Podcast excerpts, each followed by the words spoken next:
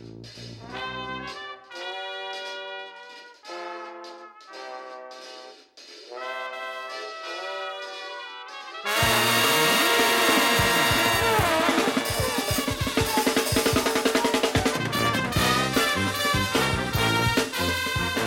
a chroeso i benod 71 o Ysbeidiau Heilo gyda fi Llywyd Owen. A fi, Lee Jones, ble byddwn ni'n rhoi sylw i'r pethau bach sy'n gwneud gwahaniaeth mawr i ni yn ystod y cyfnod hollol honco blwyddyn newyddol hwn. Newyddau? Ie, yeah, I'm just like, beth ti'n trio gweud. Na i ti ddechrau da i'r benod, ond ie, yeah, so fel arfer ar y top yn un, ni'n just eisiau atgoffa chi yn gwrandawyr hyfryd lle chi'n gallu dilyn ni a hoffi ein postiadau a gweud ffrindiau, so ni ar gael ar uh, Twitter ar ysbeidiau hei pod, ar uh, Instagram ar ysbeidiau hei log. Uh, mae popeth ar y link tri a gallwch chi wapo bach o gash i'n cyfeiriad ar co-fi hefyd os ych chi yn teimlo'n flush ar ôl yeah. yn adolyg does dim rhaid, ond mae'n agosta i redeg y podlediad yma. A byddwn ni wastad yn rhoi'r podlediad yma allan am ddim, yn rhad ac am ddim, yr er pwysles ar y rhad. Um, ond, ie, uh, yeah, dyna ni, dyna ni'r admin allan o'r ffordd. Uh, yeah, yeah, blwyddyn newydd, blwyddyn newydd dda, Llwyd. Blwyddyn newydd dda i ti hefyd, Leasers. Ni, uh, beth ni ar yr ail o, uh, o Ionawr, so ti'n, ti'n mo, mae'n uh, mae flwyddyn newydd. Dwi wedi uh, dwi wedi wneud, wel, fi, fi wedi cyflawni rhywbeth heddiw, li, fi falle ddim yn mynd i gyflawni byth eto yn ystod fy mywyd. A uh, be fi wedi cyflawni heddiw yw eistedd trwy avatar heb mynd i'r tŷ bach unwaith. Ti'n impressed? Waw. Wel, am rhywun doedran di, dwi'n impressed, yeah. Llwyd. Honestly, honestly, man. So, mae Mae yna ddyfyniad enwog yna, does, gan Hitchcock, sy'n dweud uh, the perfect length of a movie is equal to the endurance of the human bladder. Um, a felly yn achos ti, tair awr. Oedd hi'n mwy fel tair awr a hanner achos y trailers hefyd, man. Ond ie, yeah, fi a Lisa sy'n rhyfeddol achos dyw, uh, dyw fy, fy anwl o roi gi, dyw i, ti'n ma, mae hi'n ma hi ddrwg enwog am gorfod uh, cael ti bach o fewn 10 munud o mynd am dro yn tîni bob tro.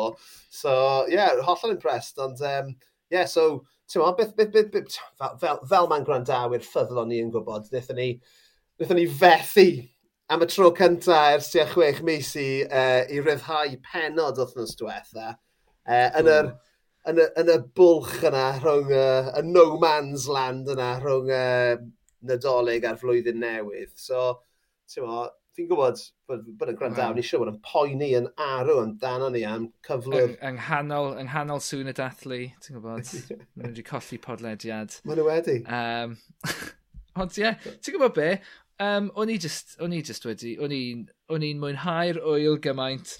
Oedd e just yn, o'n i'n byw o ddydd i ddydd, basically, llwyd. Yeah. Dim cynlluniau o gwbl, just deffro, a taflu fy hun i'r gwynt a gweld lle bynnag o'n i'n glanio. Dyna'r fath o fywyd o'n i'n cael dros yr oed. Bohemian iawn fan'na, Lee. So, yeah. Felly, so, yeah. felly, o'n i ddim, felly bai fi, na i cymryd y bai, o'n i ddim yn gallu cynllunio o flaen llaw. A hefyd, um, oedd DMs fi wedi stopio gweithio ar Twitter, felly o'n i'n gallu, o'n i'n mynd cael unrhyw negeseuon gen i ti a methu hafod nhw'n och. O'n i'n meddwl taw just esgus really gwael yn yna, retrospectively. Oh, shit. Ond ti'n gwybod, ond mae'n really weird, a, a just, just DMs gen i ti yw e, a just ar fy ffôn. Mm, cyfleus, Honestly. Cyfleus iawn, Lee. Mae fe'n wir, mae fe'n wir.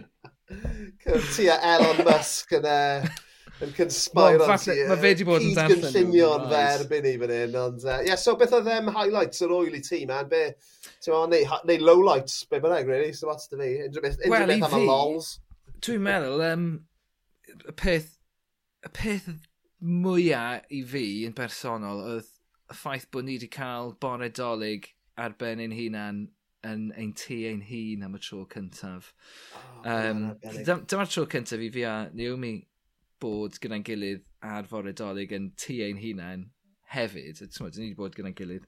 Yeah. Yeah. Ers bron i, ers bron i ddegawd erbyn hyn. Felly mae hwnna'n big deal i jyst y ddau ohono ni bod yn ein, yn ein cartref ni, a hefyd, yma tro cyntaf i Aida ddeffro yn ei thu hi ar fore dolyg, felly tymod, oedd, oedd rhaid iddyn ni paratoi pob dim ar gyfer Sean Corn yn noson gynt a gwneud yn siŵr bod Sean Corn yn darparu yr anrhegion yn erbyn y bore hefyd. Felly ti'n gwybod, oedd, um, oedd hi'n neis cael gwneud y pethau yma a ie, yeah, a wedyn mynd i weld yr uh, ynghythrails yn y pnawn a cael, um, cael swper, di coginio ganddyn nhw.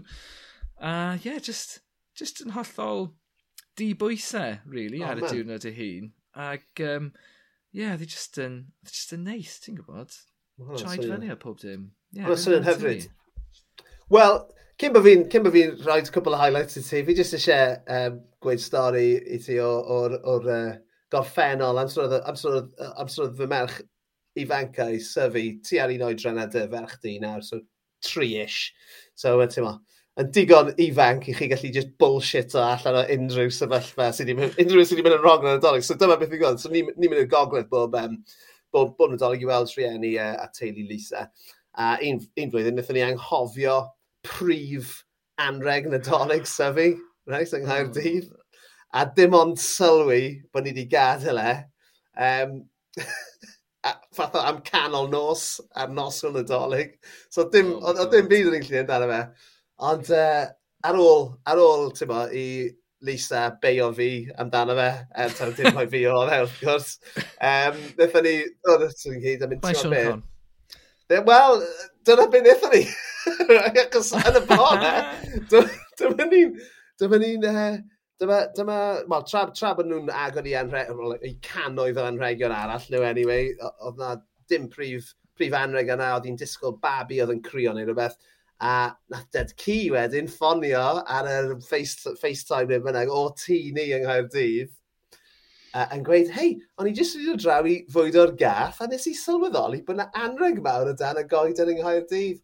So Sean Connor wedi mynd yn lle ac o'n yma, mm, da yeah. iawn. Ond ie. Yeah.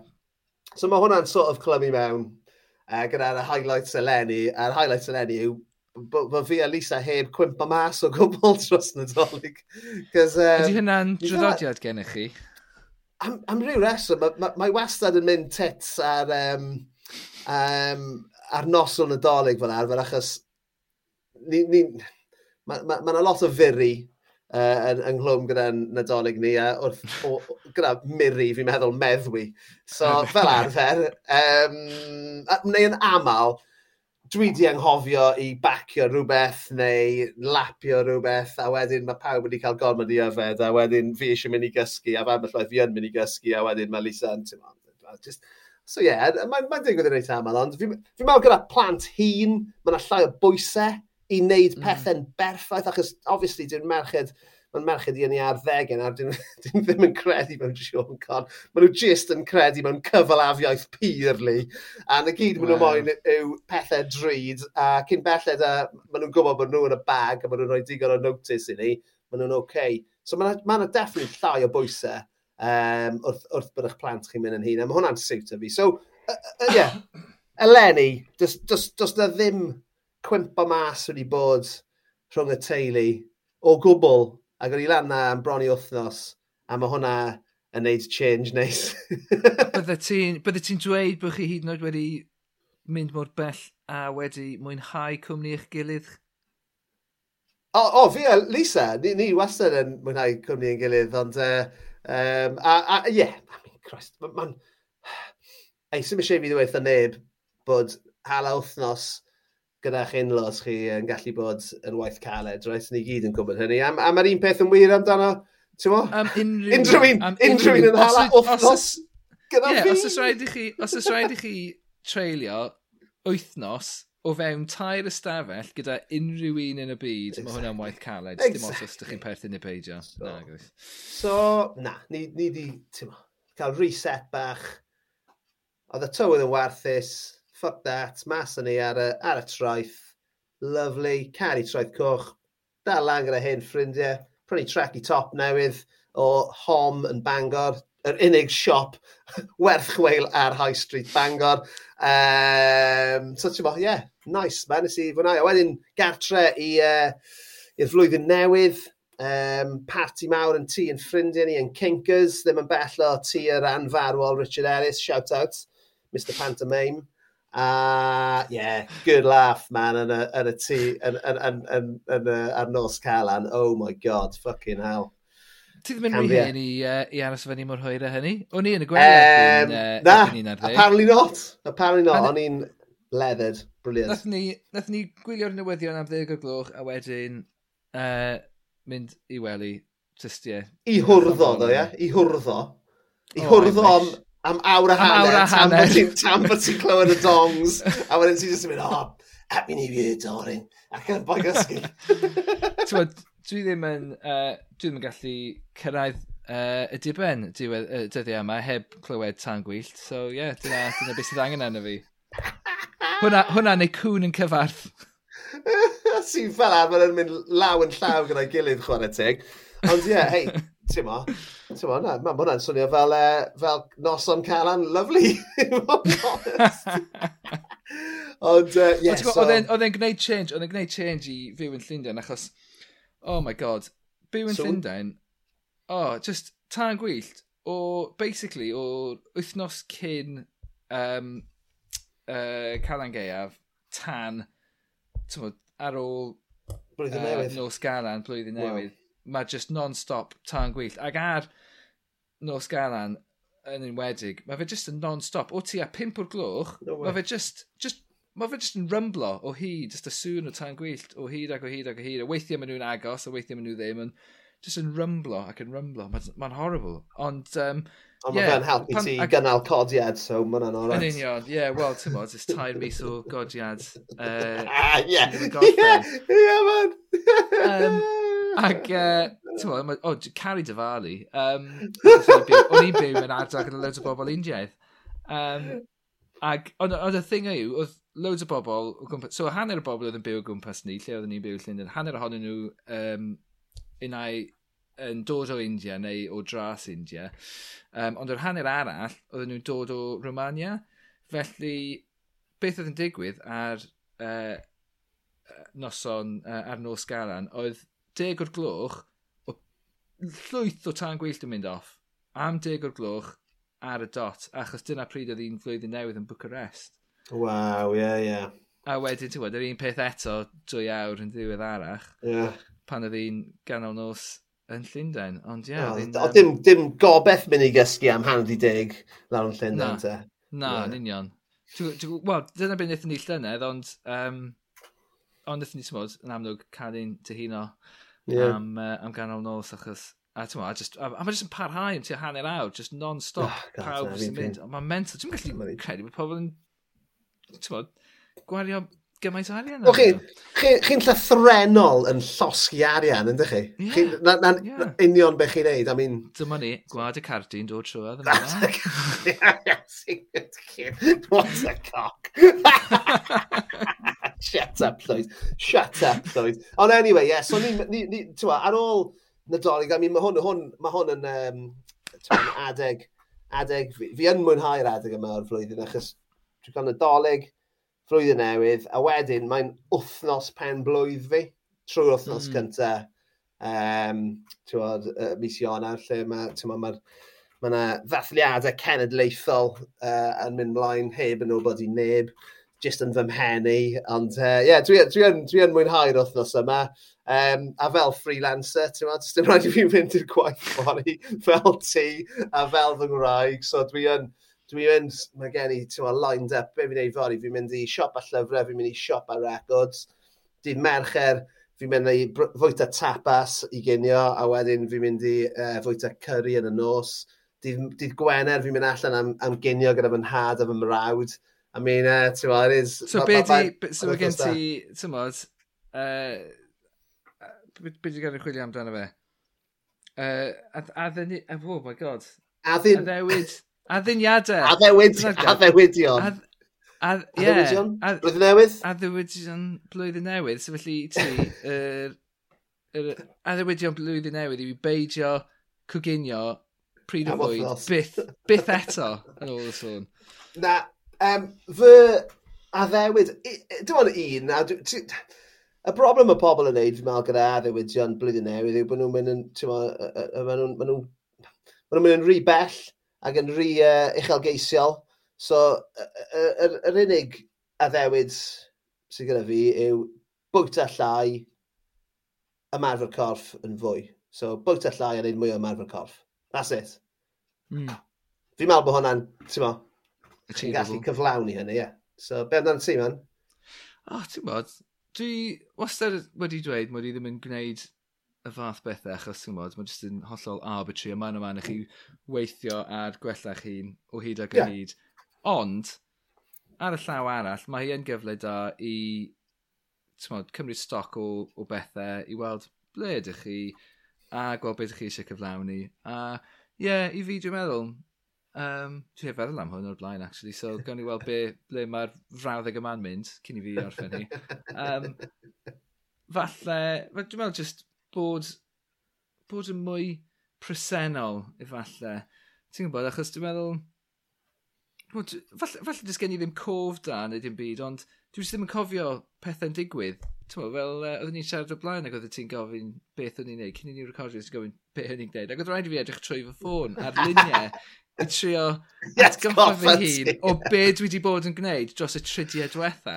Dwi, dwi, yeah. dwi, dwi ddim yn sôn am tair mis yn ôl, dwi'n sôn am yr wythnos yma, dwi ddim yn cofio be, be dwi wedi gwneud. Dwi'n bod yn lot chwaith i, i fod yn dig, ond, ond ie, yeah, well, falle, falle i fod yn, yn fwy presennol ac i cymryd mwy, mwy o sylw neu i ceisio, ceisio creu'r atgofion yn hytrach na just byw nhw. Di hynna gwneud synwyr?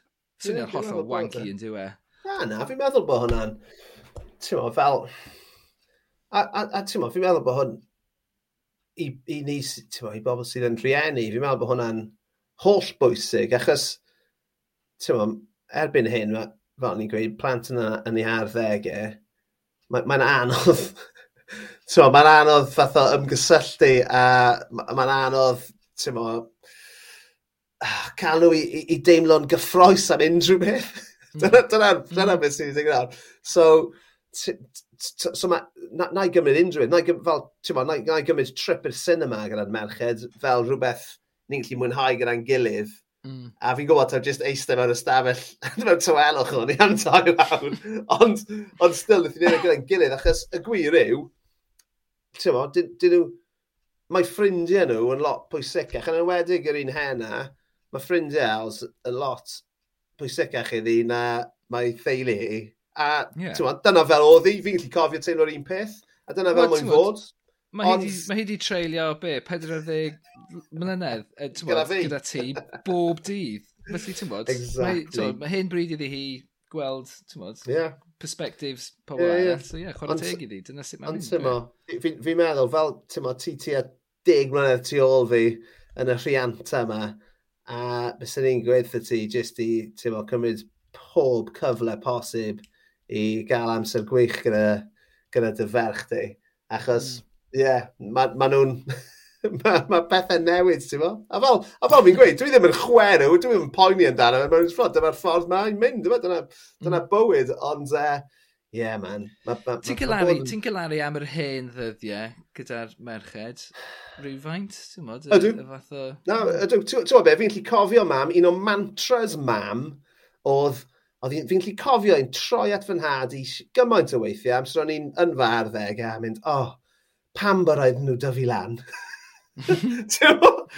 Mae hwnna jyst yn swnio fel rhywbeth mae Nines a Tides yn dweud, yn dwi e? Ond mae yna ystyr... Yeah. Yeah.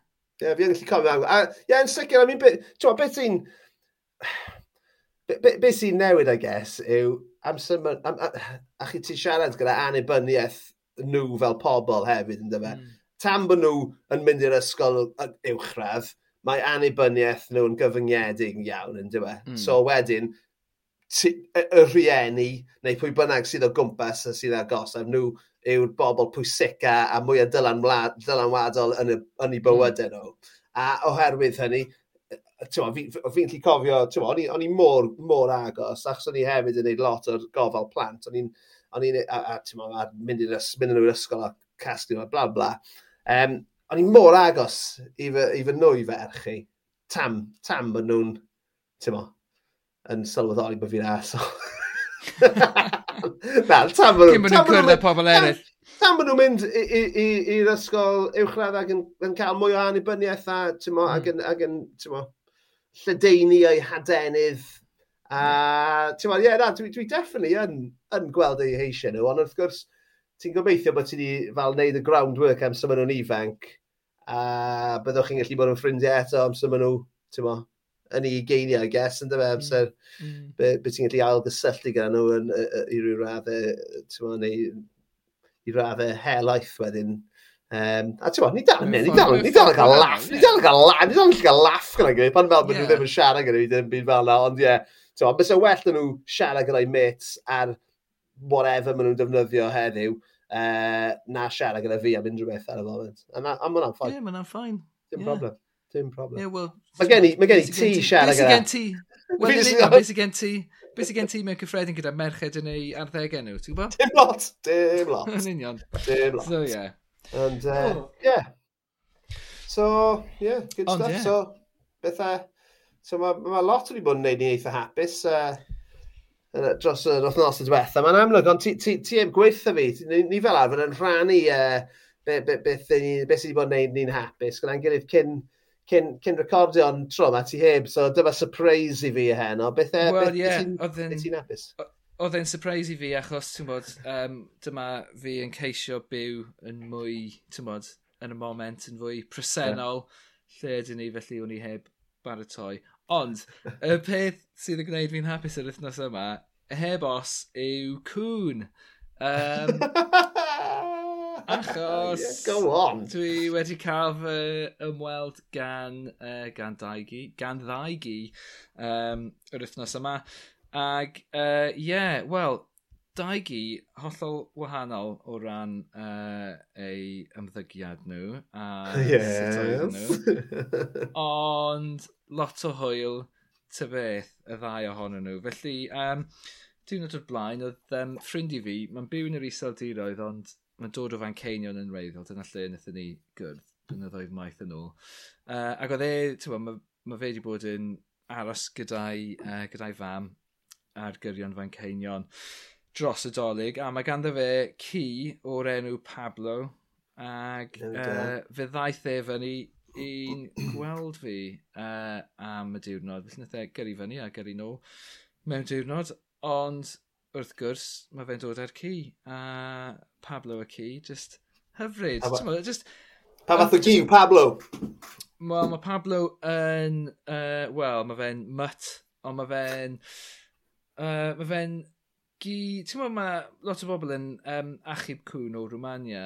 Mm -hmm. A mae yna ma, na golwg ar y cwn yma. Mae kind of, ma yna ma golwg ar y cwn o, o Rwmania lle mae nhw'n kind of e-, edrych yn eitha debyg. tebyg. Ti'n meddwl, y ffordd mae Christian nhw yn eistedd. Yeah ar ochrau penia nhw. Um, felly mae fe'n edrych fel yna, basically. Mae fe'n edrych yn union fel ci sydd wedi cael ei achub o Romania. Um, a mae fe tua, just, just llain a dwy flwydd oed yw e, dwi'n meddwl. A mae fe just yn behafio mor dda, a mae fe'n grando, a mae fe'n gwneud tricky. Oedd e'n, o fewn 5 munud, oedd e'n eistedd i fi, pan o'n i'n roi'r gorchymyn, a roi bawen i fi pan o'n i'n roi'r gorchymyn. Twys, twys, good boy oedd e. Oedd e yn good boy. Ac um, oedd e... Nethon ni fynd lawr i'r traeth, achos ymwyd, hanner cant... Beth arall chi'n ei gyda ci? Wel, yn union, ac o'na lwyth o gŵn ar y traeth. Yn un diwrnod hyfryd, really, really braf a tymod, awyr las. Ac oedd hi'n eitha, eitha, eitha mwyn o ran y, y tywydd. Ac um, oedd y ci yma yn, yn anffodus, oherwydd mae fe wedi brifo i bawen, oedd wedi bod ar, um, ar y lyd ers wythnos, so oedd e heb cael rhedeg, uh, rhedeg o gwmpas am wythnos.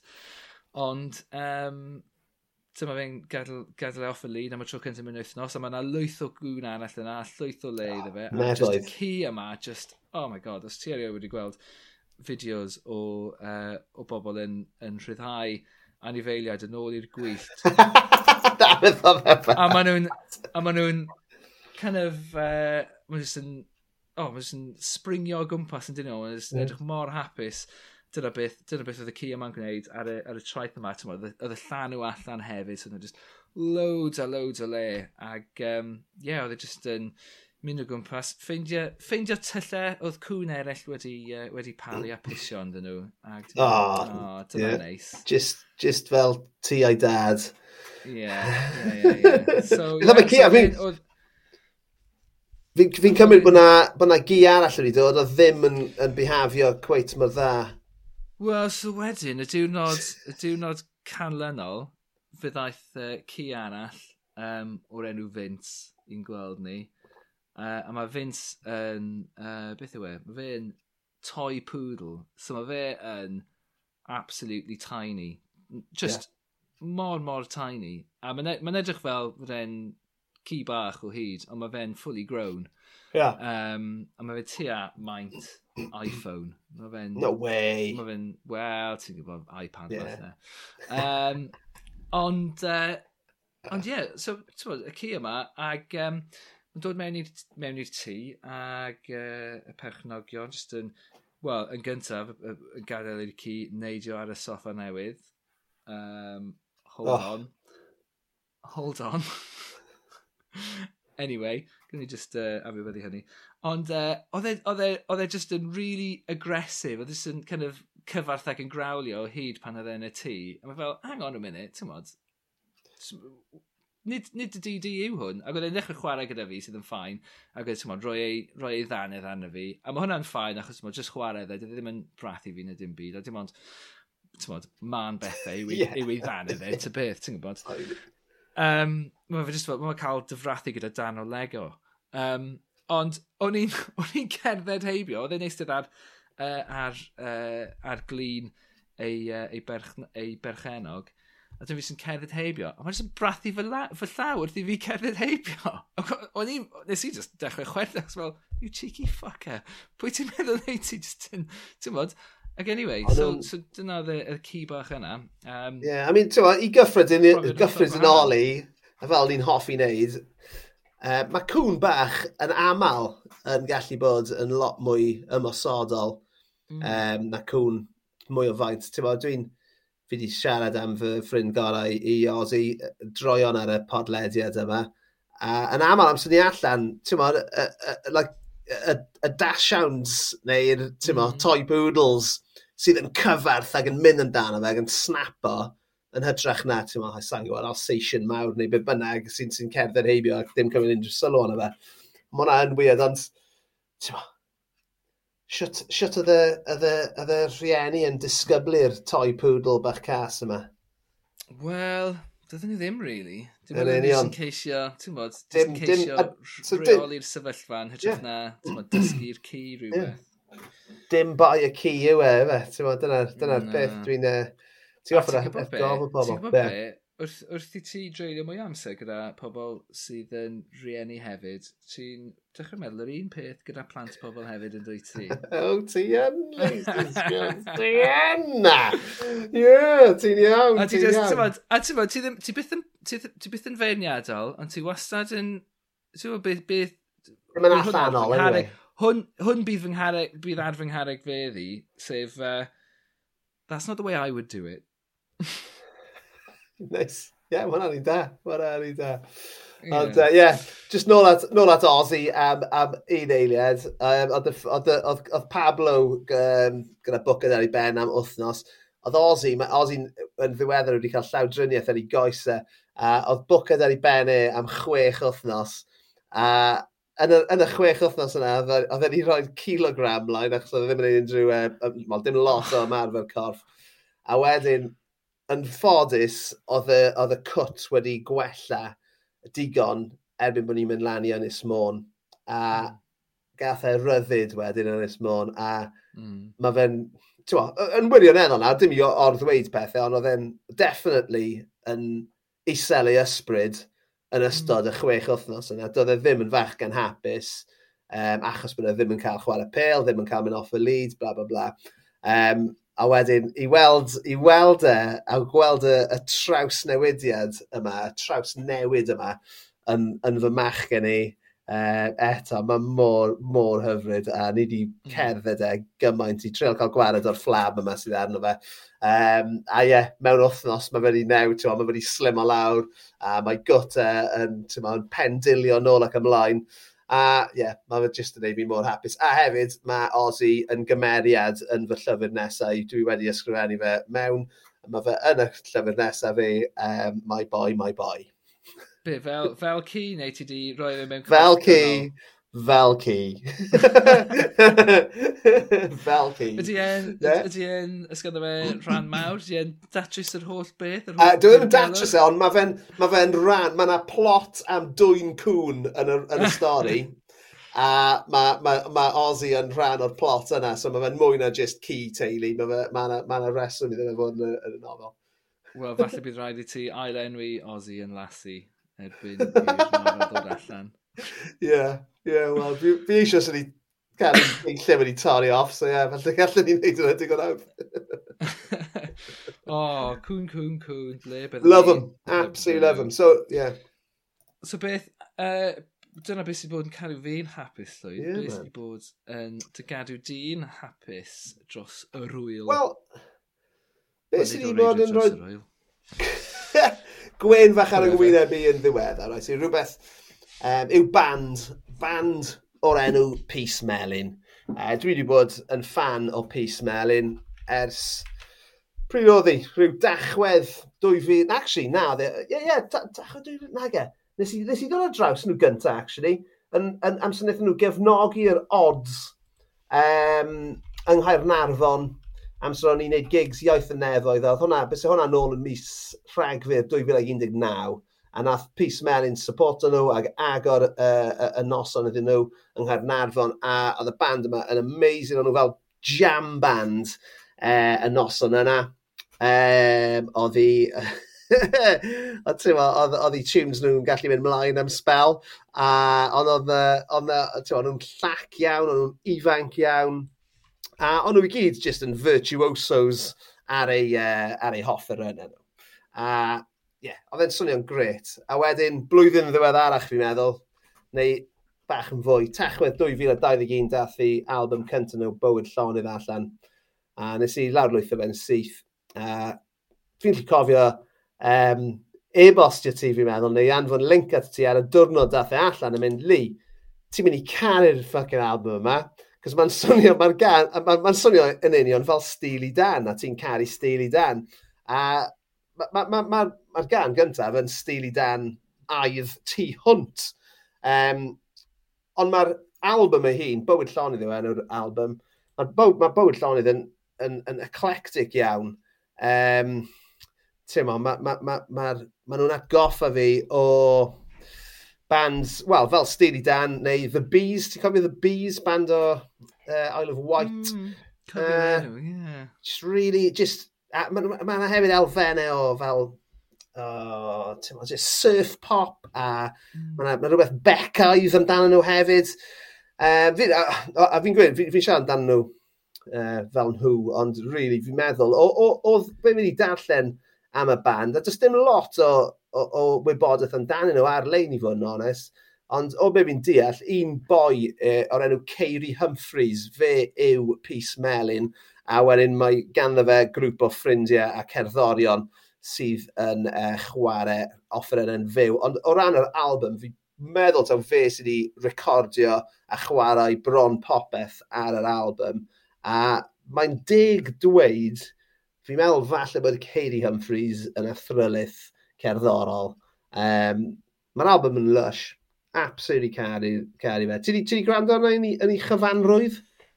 Uh, do, nid ers, nid ers spel, mae'n rhaid i fi ddweud, ond, ie, yeah. um, yeah, ti'n gwybod, a, a ti'n gwybod, just, maen nhw'n ymddangos yma gacw o hyd ac o hyd, ti'n gwybod, ar, ar bethau fel curadur ac ar dap a bethau yeah. fel yna, ti'n gwybod, y, y, y llefydd arferol ar gyfer band sy'n performio trwy'r Gymraeg. Ond, ie, uh, yeah, dwi'n...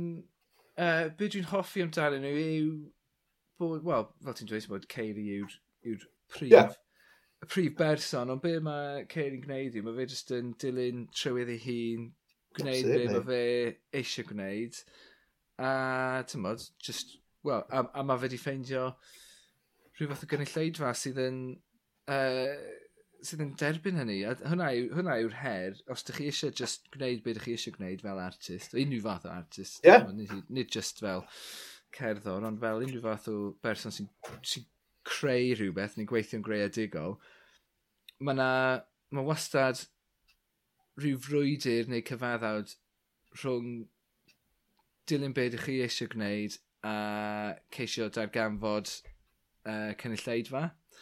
Ie. Yeah. Ac... Uh, ti'n meddwl bod... Mae'n teimlo fel, hwnna... teimlo fel gyda... Cedi? O'n i jyst yn mynd i ofyn i ti, um, mae'n haws, ti'n meddwl bod mae'n haws wneud hwnna yn y Gymraeg, achos A, a, a fi'n siarad fel awdur Cymraeg sydd wedi mm. cael um, rhyddid llwyr i wneud beth dwi eisiau um, gyda... Does, does neb yn gweithio fi beth i ysgrifennu am. Yn yr un ffordd, sy'n neb yn mynd i weithio Ceiri be, o, dos ti'n neud y genre yma, neud, ma, achos, wel, y gwir yw, yw bod arian ddim yn fath o dictator uh, y farchnad yng Nghymru, yn, yn y Gymru, yn, yn, wrth, uh, weithio yn y Gymraeg. So mae yna, well, gyda hynny, nid, wedyn mae mwy... Dwi ddim yn meddwl, dwi ddim yn meddwl hynny yw Na? chwaith, nid just anna, dwi'n meddwl y gynulleidfa, achos mae gennych chi, ti'n bod, mae yna gynulleidfa crai sydd yn darllen nofelau Cymraeg. Oes. A nhw sydd yn prynu bob nofel sy'n dod allan yn y Gymraeg. A, ti'n bod, i, bod, i, i ryw raddau hefyd, yr un peth gyda cerddoriaeth hefyd. Chwm, mae yna ma pobl sydd yn gwrando ar gerddoriaeth Cymraeg ac yn mo, prynu cerddoriaeth Cymraeg i gyd sy'n dod allan, neu, neu o leia am gwrando yeah. arno fe gyd. Felly mae yna ma cynulleidfaidd yma sydd yn, yeah, sydd yn pre-built. Felly, felly jyst dim rhaid i chi gyfaddawd i gymaint i, mm. i gyrraedd cynulleidfa. Ond, ti'n modd, er dweud hynny, ti'n bydd Peace Melyn byth yn headline your maes B, oherwydd dyn nhw ddim yn cyfeddawdu ar be maen nhw'n gwneud. Os, os oedden nhw eisiau headline your maes B, mae yna ffordd iddyn nhw gwneud hynny.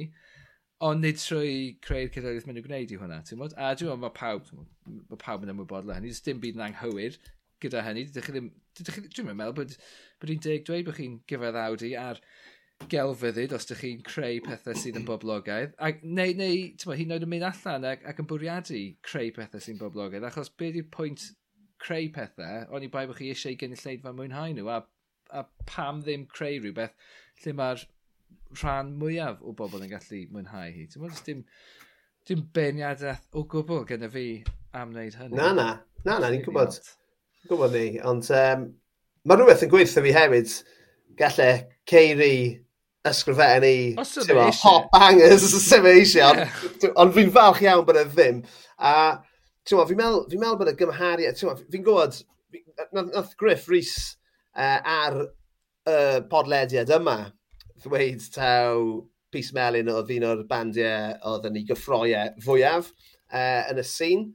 A ti'n meddwl, mae yna ma, ma, gymhariaeth i'w, i'w gwneud uh, fyna hefyd. I mean, mae Ceiri yn amlwg yn, Fi'n meddwl bod nhw, fi'n meddwl, uh, fi'n meddwl bod nhw gyd wedi mynd off i'r coleg hefyd yr aelodau'r band, yn gynnwys Ceiri ar, ar, y foment. Ac, um, ti'n mo, ond, ond bys fe'n, bys fe'n hyfryd meddwl bod rhywun fel fe yn gallu cael y rhyddid um, creadigol yna i greu mewn i'w 50au fel mae Griff wedi cael. Mm Achos... A gwneud bywoliaeth ohoni hefyd. Yeah, man. Oh, yeah, absolutely gwneud bywoliaeth ohono fe. Fi'n meddwl, ta, dyna'r... Dyna'r... Ti'n ni'n... Yn aml geid i fand neu uh, gerddor neu gantor neu artist ifanc sydd yn neud rhywbeth anhygol o wych um, a wedyn yn diflannu. Um, mm. A'r rheswm maen nhw'n diflannu yw mae ma fe'n ma fe rhywbeth ariannol neu gyrfal, tywa, neu, hmm. ti'n tywa, fi'n fi meddwl am, tywa, tywa, sa'n sa lli meddwl am unrhyw un off, off top ym hen, ond mae fe, ma, ma fe yn, yn digwydd, ti'n tywa, mae ma rhaid chi dyfu lan, I guess, a mae rhaid chi dalu'r mm. bills, yn does? Mm. A yn, yn aml, mae hynny wedyn yn, ti'n tywa, gweud, gweud bod ti'n bod ti'n dechrau gweithio fel athro neu be bynnag, ti'n ma, mae yna ma, ma gyfrifoldeb neu be, be bynnag ti'n neud a mae, ma, ma hynny wedyn yn gallu effeithio ar eich creadigrwydd chi, ynddo fe? So, Wel, ie, yeah, yn union. A, so fi'n... Go on. Wel, o'n i'n mynd i ddweud, um, wel, ti sôn am yr, uh, yr ryddid yna sydd rhaid i chi cael. Mae um, ma, well, rhywun fel Ows Gwynedd, er enghraifft, mae fe'n um, cyflogi hunan, bod, fel day job, A mae, ma hwnna'n rhoi'r rhyddid iddo fe allu gwneud yeah. cerddoriaeth ar yr ochr fel petai. ti'n gwybod? A, yeah. yeah, a dyna'r thing i, ti'n gwybod, mae rhaid i chi cael y, y sefydlogrwydd hynny er, er, um, er yeah. mwyn gallu gwneud cerddoriaeth yn anffodus. Ie, yeah, mae'n rhaid ti ffeindio ffordd, ond fi rili really yn, ti'n mo, edrych mlaen i glywed beth bydd Ceiri a Pys Melin yn neud nesaf.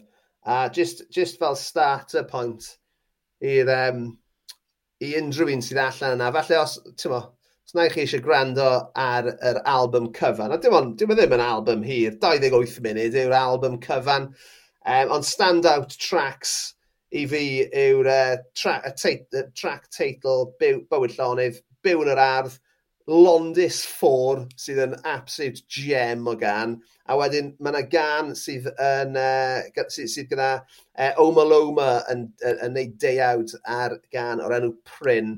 A mae honna eto just yn, oh, just yn berffeithrwydd, pop-tastic, smashy. Um, yeah, so yeah, bywyd llonydd gan Peace Melin. Check it Lovely, lovely. Hei, Llwyd, ti'n gwybod be? Yeah, Mae'n uh, ma wythnos dy ben blwydd di wythnos yma, ond mae hefyd yn ben blwydd arall ar Mae ma, ma Deryn Bach yn dweud yeah. wrtho fi. Yeah. Beth sy'n yeah. digwydd? O, oh, wel, ti'n gwybod be? Mae'n ma, bim mlynedd i'r diwrnod ers i fi um, recordio fy mhodlediad cyntaf. So ar, ar y pedwerydd o Ionawr 2018, nes i recordio fy mhodlediad cyntaf. Um, enw'r podlediad yna oedd does dim gair Cymraeg am random. Um, Mae'r, fi'n meddwl, bod yna 60... Be? Carwyn Ellis oedd y cyntaf? Carwyn Ellis oedd y cyntaf, ie. Fy hyn ffrind i Carwyn. Ag, fi'n meddwl bod yna 67 penod. Fi'n meddwl nes i wneud 67, falle 57.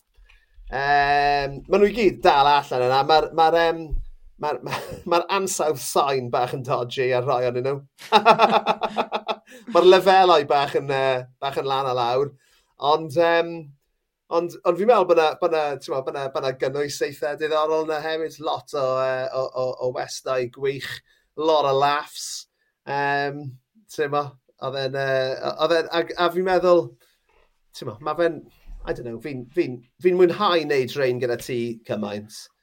O'n i'n mwynhau wneud uh, random, ond oedd... Fi'n meddwl am sy'n dechreuais i yn 2018, fi'n meddwl taw tua 5 bodlediad Cymraeg oedd. Mm. Um, just, that's it, ti'n mo. Um, Clara. Yeah, Wel, dyma'r thing oedd... Yeah, Pod peth. Um, yr un am, uh, uh, beth yw enw e, yr un am, Sioned Mills a'r boes yn oh, siarad haciaeth. tech, haciaeth. Uh, falle ond yeah. cwpl arall. Ond genuinely, a, a, a, dyma'r thing, ti'n modd, di pobl ddim, uh, modd, heb eisiau, ti'n modd, chwthu mwg fyny dy dyn di gormod. Fel mae uh, idiom Saesneg yn... yn chwthia boi, chwthia. Ond, um, ond na, ti'n modd, o'na bwlch anferth um, yeah. gyda pobl Cymraeg, doedd ddim yn cael ei gwynyddu gan bobl oedd yn rhegi wrth iddyn nhw greu cynnwys ar-lein. Felly, ti'n bod, oedd hwnna... Oh. Oedd hwnna'n peth mawr i fi hefyd, achos, ti'n bod, doeddwn ni ddim yn gallu gwylio lot o S4C na grand ar lot o Radio Cymru pum mlynedd yn ôl chwaith. Felly, oedd e'n bwysig i fi hefyd gallu clywed... Uh, Wel, fel bysau Griff Rhys yn ei ddisgrifio fe, Cymraeg y stryd. Um, a, ti'n bod, Cymraeg byw y Cymraeg sy'n cael ei ddefnyddio o ddydd yeah. i ddydd gan bobl go iawn yng Nghymru. Felly, ie, yeah, oedd e'n bwysig iawn i fi clywed hynny. Um, yeah. A, ti'n mae wedi arwain at, uh, at bethau Ie, yeah, well, man, arwain... arwen... Arwen at bethau gwerth fi, dwi'n siŵr amdano ti. definitely wedi, man. Dyma ni. Dyma ni. Oh, mae definitely wedi, man. Ag, um, yeah, so, os oes unrhyw un allan yna sydd angen mwy o fy dulcet tones i a chi heb rando ar fy mhodlediad uh, cyntaf fi. Maen nhw i gyd mas na'n rolau. Um, oh, yeah. Fi'n meddwl. Mae'n wych, mae'n wych, ie, yeah, ewch, ewch ati. mae'n lwyth o westeion yeah. da. Um, nes i crybwyll yn ein penod diwetha gyda Predur Ap Gwynedd. Mae hwnna'n oh, yeah. benod. Mae hwnna'n benod wych. Mae'n... Uh, off top fy mhen. Uh, um, Iwana Pew uh, yn sefyll allan hefyd i oh, roed oh, oh, yeah. cyd-destun oh, chi. o oh, ie, yeah. os ydych chi'n meddwl bod y benod gyda ni ar y Sbeidio Heilog gyda Iwan yr un uh, think again. Ewch nôl a grandewch ar hwnna, achos mae origin story Iwan yn absolutely amazing. A mae hwnna yn... Hongo. Dwi'n meddwl bod hwnna yn benod... Uh, Wel, well, well mae, ti'n bod, mae fe fel un un know, benodau gorau beti a'i phobl, ti'n modd, rai mae pobl wastad yn meddwl amdano nhw, mae hwnna bendant yna. Achos mae fe'n amrwyd, mae fe'n onest, mae'n agored, a mae'r fath o um, sgwrs sydd, wel, pryn yn cael ei glywed yn y Gymraeg, felly, ie. Yeah. Da iawn ti, a diolch. Absolwmon. Ond ie, ein mlynedd ers hynny. Lovely stuff. Right e, uh, diolch i chi i gyd am rando. Byddwn ni nôl wythnos nesaf gyda gwestau gwych. Um, Ond ie, yeah, diolch teulu. Chi'n gwybod lle i ffindo ni. Dilynwch, hoffwch, bla bla blawch. Oh yeah. nos da. Ta-ra.